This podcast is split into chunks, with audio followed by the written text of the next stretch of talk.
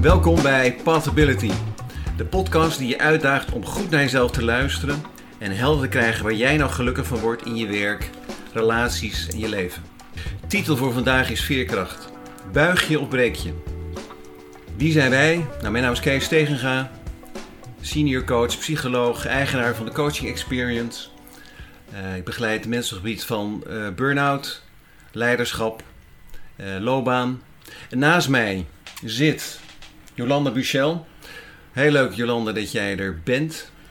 En Jolanda, die, nou wij kennen elkaar van lang geleden, van het GTP. Ja. Hebben samengewerkt.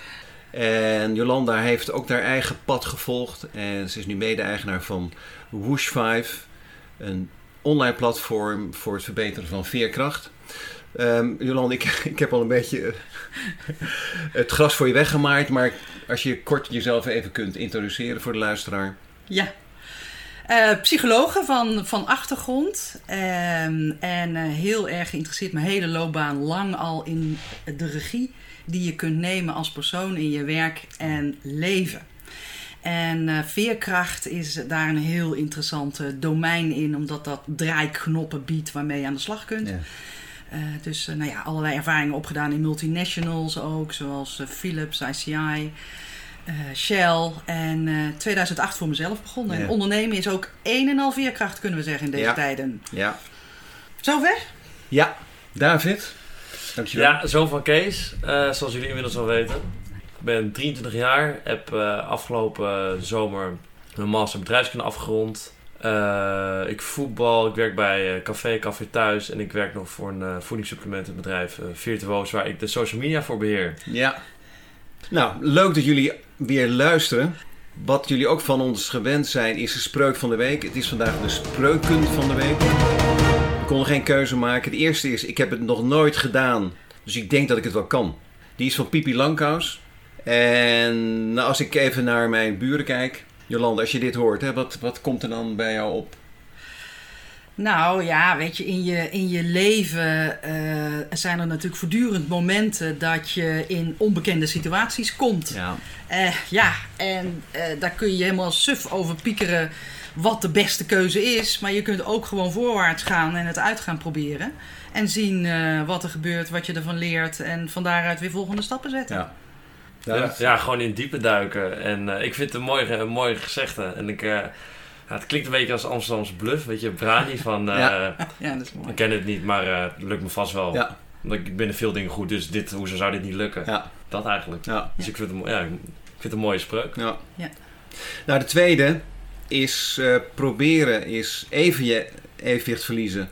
Niet proberen, is jezelf verliezen. Is van Kierkegaard, is een Deense filosoof. Ik zeg het even voorzichtig, ik weet niet 100% zeker, maar volgens mij wel. Nou, als ik, als ik met mezelf mag beginnen daarin. Mag ik, hoor. Ik vind, het, uh, ik vind het een hele mooie dit. Want uh, het, het, het, het, het, je moet een beetje lef hebben en moed hebben. Dat is ook de, de, de quote van mijn uh, eigen bureau, de Coaching Experience. Je moet een beetje lef hebben om dingen los te kunnen laten, in de diepe te kunnen springen. Maar als het is, iets is wat werkelijk jouw verlangen is, of wat je heel graag wil, dan heb je dat ja, te doen. En als je dat niet doet, dan ga je jezelf verliezen. En die mensen die zie ik ook. En misschien ken ik het ook wel in mijn eigen leven, als ik eerlijk ben. Dat ik dingen uit de weg ben gegaan en daardoor mezelf min of meer ben kwijtgeraakt. Dus ik vind dit een hele mooie. Jolanda? Eens. Eens. Ja, ik gebruik hem ook heel graag. Ik gebruik daar ook heel graag het woord wankelmoedig bij. Wankelmoedig, hè? Ja, dat is mooi. Dat woord ken ik eigenlijk nee, niet maar het is volgens mij ook een heel ouderwets woord bijna. Ja. Uh, en het heeft soms ook een negatieve connotatie. Maar ik gebruik hem dus echt in dit kader. En voor mijzelf het gaan ondernemen. Uh, hè, ik kom uit een enorme zekerheidsgerichte familie. Mijn vader heeft nooit durven te ondernemen, terwijl hij het goed had gekund volgens mij. Dus ik was ook de eerste die ging ondernemen, nou met pijn in mijn buik. Het was midden in de financiële crisis in 2008. En, uh, maar ja, weet je, mijn kinderen zeiden ook: Mam, ja, desnoods gaan we in een caravan wonen.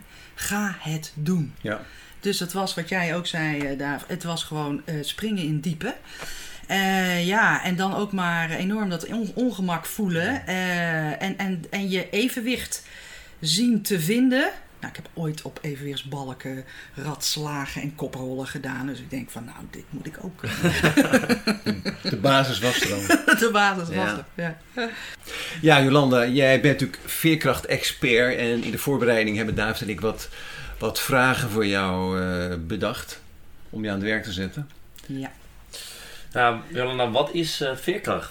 Ja, goed. Kees, jij zei al in de, in de intro, eh, buigen of breken. Het is meer. Je hebt de hele smalle definitie van veerkracht die zegt van, eh, dat je weer eh, opstaat nadat je gevallen bent. Mhm. Hè, dus eh, ja, dat is misschien wel het breken aspect.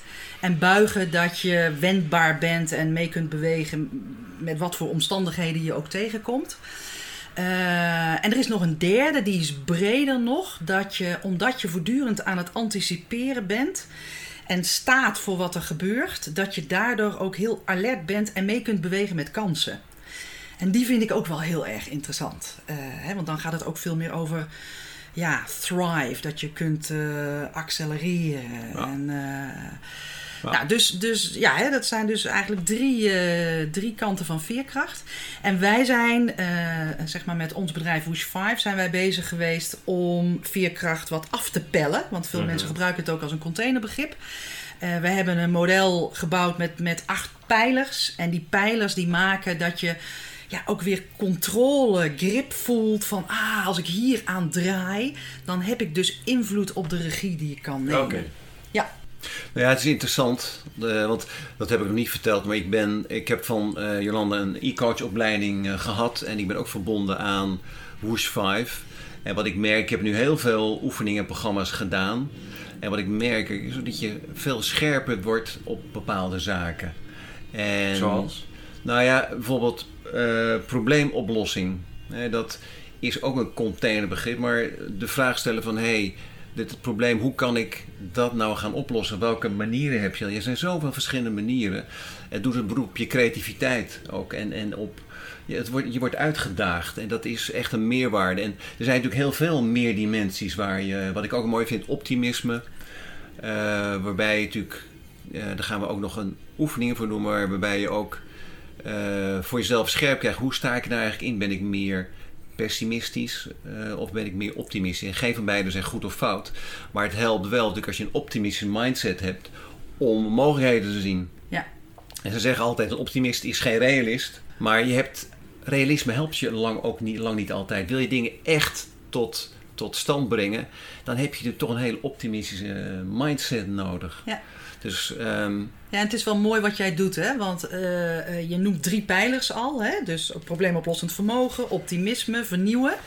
Eh, dus elke keer als, als mij iets gebeurt, dan ga ik die acht pijlers zeg maar af van waar zit op dit moment een Ja. draaiknop om mee aan de slag te gaan. Ja. Hè, dus nou, behalve deze drie heb je er dus, dus nog vijf andere. Eh, eh, empathie, hè, er wordt op dit moment heel veel onderzoek naar gedaan. Belangrijk element ook in je persoonlijk leiderschap. Je hebt emotiemanagement in coronatijd. Heel relevant, hè, want ja, weet je, positieve en negatieve emoties, ze zijn er zat.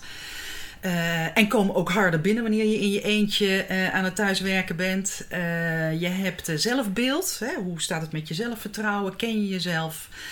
Ehm, je hebt levenservaring. Ehm, dat is weer een belangrijk, afhankelijk van wat je meegemaakt hebt in je leven. Ja, kun je meer aan of begrijp je beter waar je te relativeren hebt. En persoonlijkheid zegt iets over hoe je met veranderingen Ja. omgaat. Ja. Ehm, nou, dan hebben we ze al acht. Ja, het voert natuurlijk te ver in deze podcast om daar dieper op in te gaan. Maar het is buitengewoon interessante materie. Misschien nog voor een vervolg. Graag. Ja, dan heb ik eigenlijk nog, nog een, eh, een andere vraag. Is veerkracht eh, goed te trainen? Ja. En Ja. zo ja, hoe, hoe doe je dat dan? Ja, ja. Er, zijn, eh, er zijn stromingen die zeggen van veerkracht is een karaktereigenschap. Daar zijn wij dus niet van. Oké. Eh, dus het is niet een kwestie van je hebt het of je hebt het niet. Eh, wat wel uitmaakt is in welke, eh, waar je wieg heeft gestaan. Hè? En wat er Je allemaal. en Ja, zo, ja. absoluut. Dat, dat, heeft, eh, dat heeft impact. En ja, een aantal dingen heb je gewoon geen invloed op gehad. Eh, nee, maar het is, hè, en vandaar ook die acht pijlers, het is, eh, het is trainbaar. Dus het is een mindset, jij zei dat al, Kees. Hè, het is de manier waarop je de wereld in kijkt. En dat is voor een optimist eh, anders dan voor een pessimist bijvoorbeeld. Eh, eh, een introvert zit daar weer anders in dan een, dan een extravert. Ehm, ja, dus eh, een, een mindset en een skillset. Want hoe meer je dus die, die pijlers gebruikt en traint, hoe vaardiger je daarin Ja, wordt. ja. En dat is het goede nieuws, Ja. vind ik. Ja, klopt.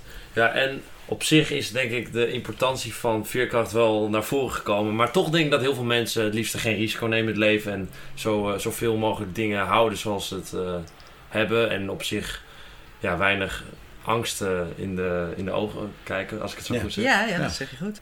En wat is dan denk ik het allerbelangrijkste punt van veerkracht? Nee, laat ik het zo zeggen. Waarom is het ontwikkelen van veerkracht dan ontzettend belangrijk?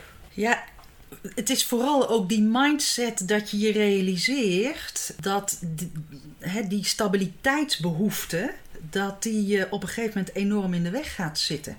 Ik gebruik wel eens de metafoor van de zondagsrijder. Mhm. Als jij heel weinig kilometers rijdt in jouw auto, dan ga je op een gegeven moment ga je steeds meer angst ontwikkelen om de weg op te gaan.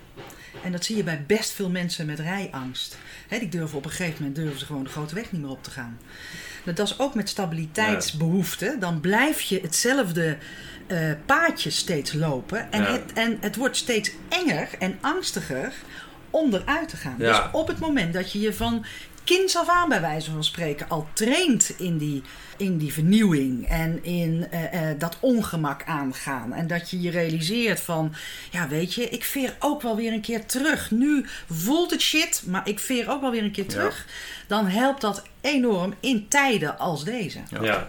ja. als je toch een keer moet, moet rijden met de auto. Want waarschijnlijk heb je daarvoor heb je het heel vaak vermeden om het te doen. Ja. Op, en je moet een keer doen, dan is de stap inderdaad nog groter. Ja. En Ja, maak je ook eerder fouten, denk ik. absoluut. Want dan ga je er verkrampt ja, in zitten. dat is nooit goed. Nee, Ja. en dat is nooit goed. Nee, nee. Daar moet ik denken aan, ze hebben ooit een onderzoek gedaan naar vitale ouderen. En wat bleek dat ouderen, die, die, die vitale ouderen, die hebben, waarom zijn ze vitaler?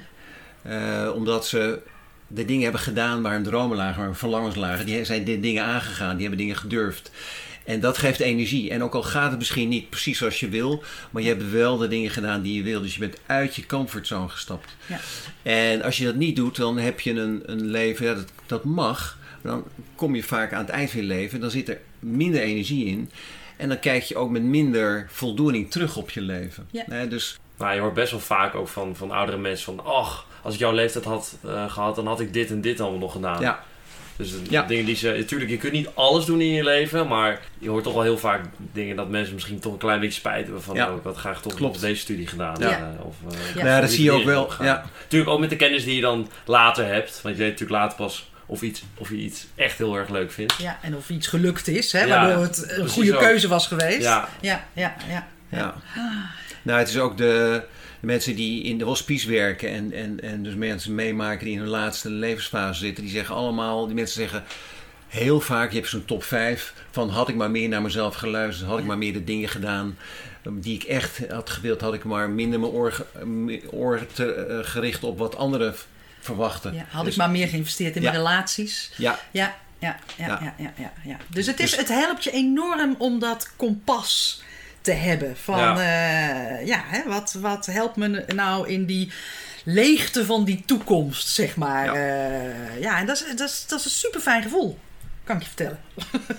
ja, richting is belangrijk Ja, in je leven. ja, Ja. ja, dat, is, dat is fijn. En ehm, nou, aangezien millennials natuurlijk ook onze doelgroep zijn. Ja, eh, en jij ook met millennials werkt. zeker. Wat vinden deze millennials eigenlijk van eh, jouw standpunt over veerkracht? Zijn zij een beetje te triggeren of niet?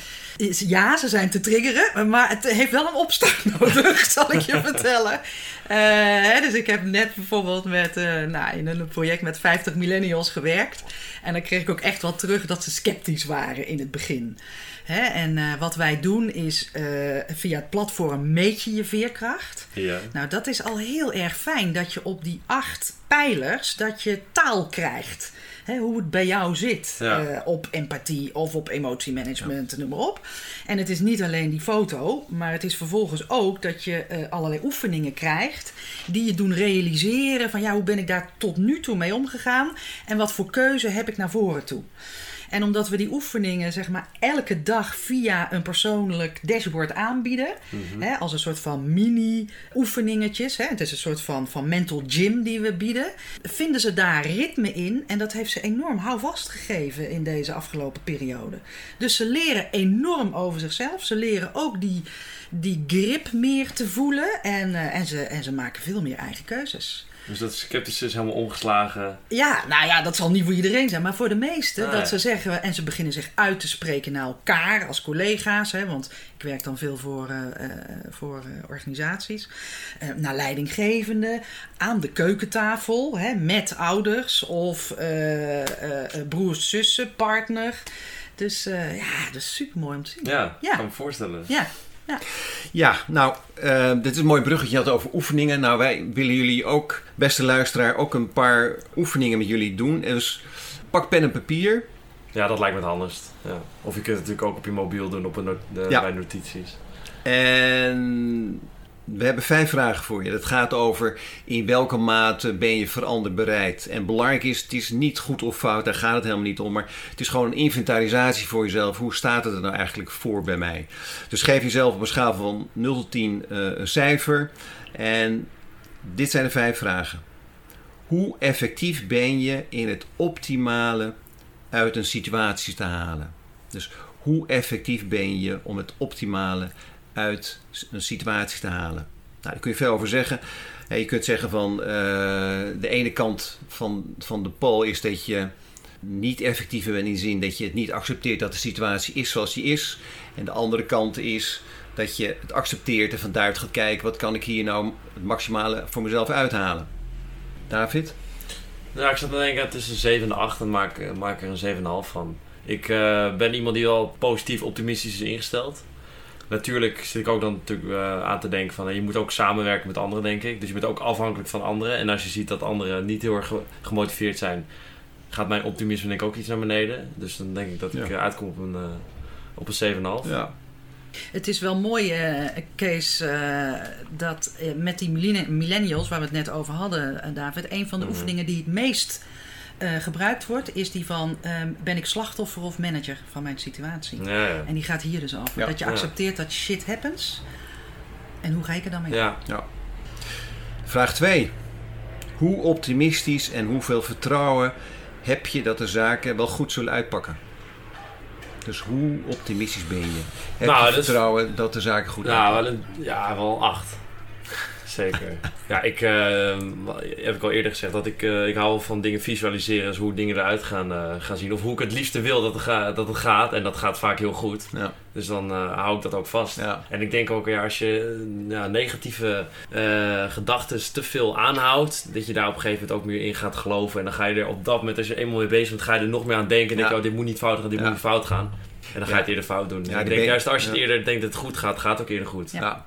Ja, hier worden topsporters heel veel op En op een gegeven moment word je, ja, Ja. word je steeds ontspannender. Ja. En dan gaat alles gewoon Ja. op een gegeven moment van- vanzelf. Mooi. Vraag 3. Hoe open sta je voor het nemen van risico's? En het gaan voor het onbekende. Dus in welke mate durf je ook te springen uit je comfortzone te stappen?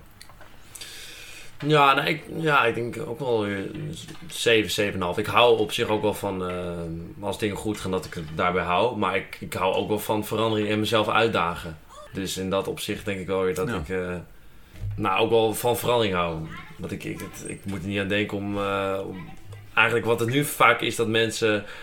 eh, als je eenmaal op je 25 of 30 of zo begint te werken, dat je 30 jaar lang bij hetzelfde bedrijf werkt. Of dat je continu elke week 40 uur aan het werk bent. Dat, daar moet ik gewoon niet aan denken. Nee. Ik denk, er moet veel meer flexibiliteit in. En ja, dat eigenlijk. Ja. Vraag 4. Hoe flexibel ben je eh, in het aanpassen van je doelen en verwachtingen?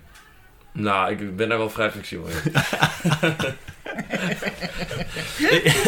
ik, vind het goed om doelen te stellen. En ik, ik denk dat het zeker, eh, zeker helpt. Toch merk ik ook wel bij mezelf, ja, als iets dan toch niet lukt, dan wil ik het best wel bijstellen. Ja. Of ik denk, oh, dit is eigenlijk wel best wel makkelijk te halen, dan moet ik het voor mezelf nog even wat, eh, wat aanscherpen. Ja. Ja. Dus Ja. ik denk dat ik daar wel een 9 op kan, Ja. kan scoren. En als een keer een doel niet is gelukt, kan ik soms ook denken van, nou, helaas, de volgende keer doe ik het anders. Ja. Nou, beste luisteraar, laat je niet ontmoedigen door die geweldige cijfers die David zichzelf geeft. Maar ik weet niet of dit een positief punt is per se. Hè? Nou, dan moest, oh, ik moest het niet over hebben over positiviteit. En, eh, Volgende vraag. ja. Hoe tolerant sta je tegenover het, nou, het tweestrijdige van verandering? Ja, dat kent iedereen. Het is spannend, het is eng. En de andere kant wil je het ook graag. En het omgaan met die oncomfortabele en misschien wel beangstige kant ervan. Ja, dat is even een moeilijk woord. Ja, dat is natuurlijk eh, strak uitgesproken dit. Ja, ik vind het lastig of, mm, of ik nou... Ik denk dat ik een beetje in het midden zit. Wacht, ik heb nog één Dus keer... hoe tolerant sta je tegenover het tweestrijdige van verandering? He, aan de ene kant het omgaan met het oncomfortabele. Mhm. En misschien wel de, de enge, de angstige kant van Ja. verandering. En natuurlijk dat je iets wat je graag wil. Ja, nou, ik, hoe tolerant? Ik denk dat ik, ja, 6,5 zoiets. Ik, eh, als ik iets eng vind, iets vind ik het natuurlijk lastig om, om het wel te doen. Maar ik denk ook, als ik het er één of twee keer niet heb gedaan, denk ik volgende keer van, dan, dan moet ik het wel gewoon doen. Want ik weet gewoon dat het me uiteindelijk verder gaat, gaat helpen. Ja. Dan moet ik ook gewoon gelijk denken bijvoorbeeld aan toen ik eh, bij een studievereniging ging. Want ik heb bedrijfskunde gestudeerd en eh, toen ben ik daar in de commissie gegaan. Ik ken daar eigenlijk helemaal niemand daar. Maar ik dacht, ik vind het leuk om nieuwe dingen te, te leren en nieuwe mensen te kennen van mijn studie. En ik denk dat het ook goed stond op mijn cv. En ik kwam daar ook met Boris, maar ik kende bijna niemand. En ja, waar begin je dan? Moet ik zomaar bij mensen aangaan, aangaan, eh, aan gaan schuiven zeggen... Hallo, ik ben, eh, ik ben David, ik, eh, Ja. ik ben hier om een beetje mensen te leren kennen. En dat is best lastig. Eigenlijk moet je bijna altijd wel een, een, een ingang hebben via, Ja. via iemand. En dus in dat opzicht is dat, is dat soms eng, maar uiteindelijk ja, helpt het je wel. Ja, maar toch hoe tolerant? Ja, ik, ja, ik denk dat ik redelijk tolerant Ja. ben. Nou goed, als je kijkt nu naar, hè, als luisteraar, ook voor David, als je kijkt naar, je, naar de, de uitslagen, wat vind je daar dan van? Wat voor cijfer geef je jezelf? En zou je daar wat mee willen? Ja, Hè, dat is natuurlijk waar het om gaat. precies. En het uitgangspunt is, hoe lastig ook, maar verandering is uiteindelijk de enige constante in je leven. Dus nu die coronacrisis is natuurlijk ja, ongekend en heeft enorme impact. Maar in wezen is verandering altijd aanwezig. Je hebt je altijd aan te passen. Ja, klopt. Nou, dit was een inventariseringsoefening. De volgende oefening die hebben wij in de voorbereiding eh, eigenlijk twee namen gegeven. Voor de, de, de oudere jongen onder ons is dat de dankbaarheidsoefening. En voor de, de, de, de, de, millennials de blije eikeloefening. De oudere jongeren, daar bedoel je mee de... De krasknarren. nou, als jullie even zo ontspannen mogelijk gaan zitten. Ook luisteraars, maar ook David en eh, Jolanda. Jolanda, even zo ontspannen mogelijk zitten. Je ogen dicht doen. En even kort stilstaan van... Hé, hey, wat merk ik van mijn lichaam? Is er rust of is er spanning? Hoef je verder niks mee te doen.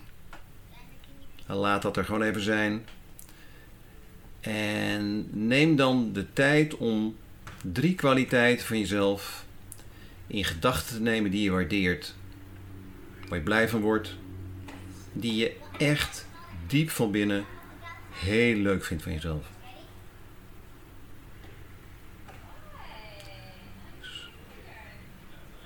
Drie kwaliteiten die je heel leuk vindt van jezelf. Die je ook echt diep van binnen voelt. Als het er geen drie zijn, is ook goed. En je mag je ogen weer in jouw tempo rustig open doen.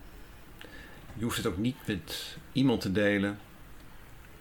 En misschien wel leuk om even op te schrijven. Goed idee. Wat merk jij ervan? Van de blije eikeloefening. Ja, voor jou de dankbaarheidsoefening. Ja, ja, ja. Oh, oh, oh, Oh, hij corrigeert, hoor je, David. Ja. Eh, ehm, ja, ik vind het een hele fijne oefening. Hij komt eh, onder andere ook uit de positieve psychologie. Hè. Eh, grondlegger daarvan is Martin Seligman. Ik doe deze echt regelmatig gedurende het wandelen met de honden. En eh, ik zit in een hele turbulente eh, periode, eh, omdat ik na 58 jaar gewoond te hebben in Breda over een vast paadje gesproken, zijn wij verhuisd. En we zitten echt in between houses en het is gekke werk in coronatijd.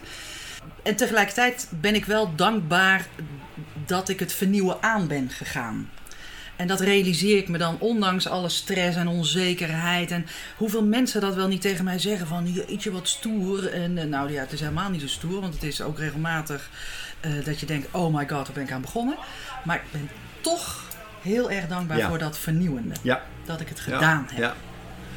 En nog En al- dat, ja, ja. Dus vernieuwen. En an- nog andere kwaliteiten die daarboven kwamen?